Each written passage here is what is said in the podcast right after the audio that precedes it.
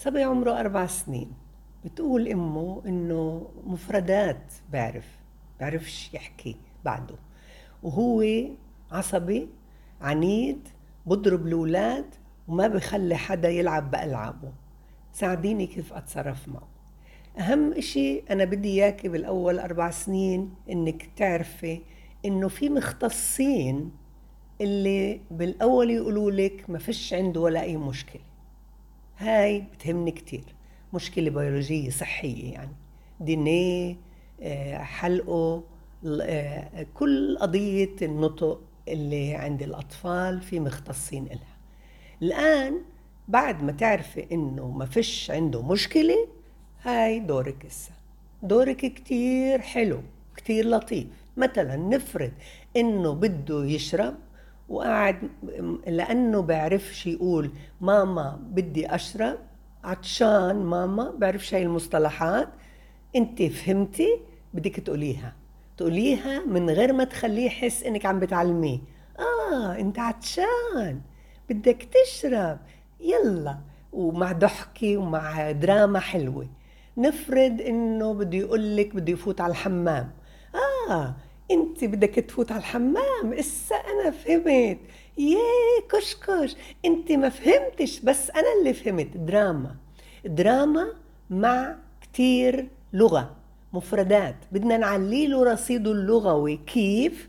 بإنه نترجم الإشارات. هو بعطيكي إشارات هو بقول كلمة انت بدك تحطيها بعبارة طلب ها أه؟ الآن خلص هذا دور عرفتيه كل إش... أنت جوعان؟ يي كشكش أنت لما بتكون جوعان الماما بتفهم إنك أنت جوعان. أنا فهمت إنه ابني وسمي اسمه. حبيبي أنت أنت جوعان. بده ياكل خبزة. وقولي إيش بده؟ بده صحن طبيخ. قولي شو فيه للصحن الطبيخ. يعني احكي الفعاليات السلوك اللي بتعملي له إياه. كمان اعملي دراما وانت تشتغلي. ياي وين السكينة؟ أنا بدها أقص بندورة مش ملاقية السكينة. وين المعلقة اللي بدي أخلط السلطة فيها؟ احكي حتى يصير كمان يتردد صوتك مع مفردات. هدول وانت بحياتك الطبيعية اليومية معه. أنا بدي أطوي الغسيل أنا عمالة أطوي الغسيل ابني بده يساعدني ابتدي أحكي هيك. أنا عم بطوي آه، بلوزة البابا نتويها بلوزة الهدى الكم وإنت تعمل الفعالية احكي. الآن تطبيق كشكش. تطبيق كشكش الرصيد اللغوي اللي بيكتسبه الطفل لما يسمع سرد مليان. مليان بصير عنده مفردات اللي انت ما كنت مستعملتيها لما كنت تحكي عن السلوك أو التصرف أو الخدمة اللي بتعطيها. فصار عنده جانب آخر خارج عن دائرتك اللغوية. صار عنده دائرة جديدة.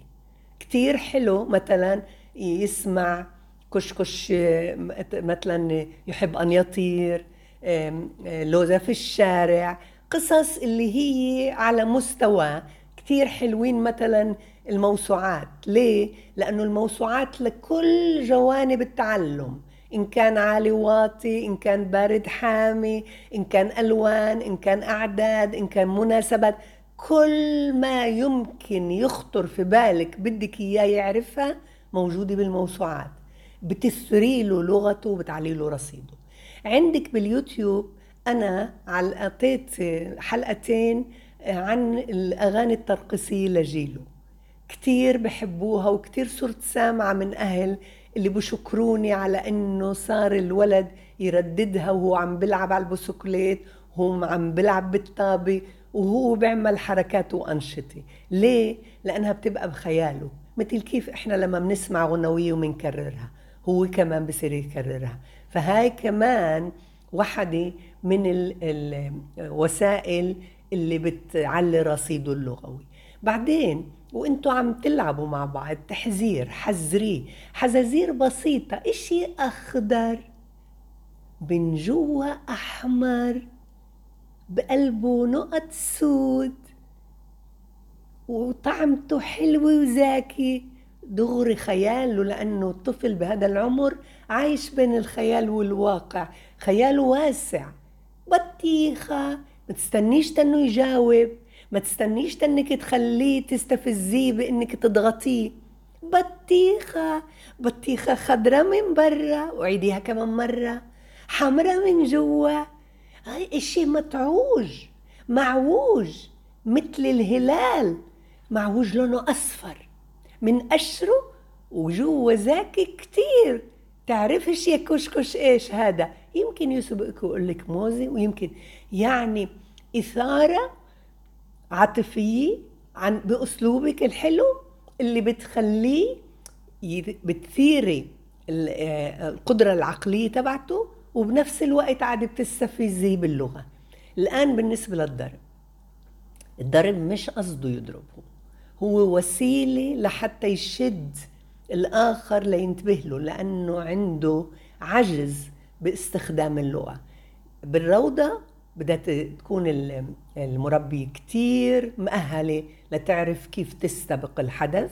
بالبيت عندك أكيد لازم تعبي له وقته لحتى تستبق الحدث وما تخليهوش بفراغ ويصير بده يضرب لأنه هو بحالة تأجج بدنا نعمل له تنفيس وأكتر إشي بيساعده وأكتر إشي بكيف عليه أنشطة حركية. أنشطة حركية بيعمل تنفيس عاطفي.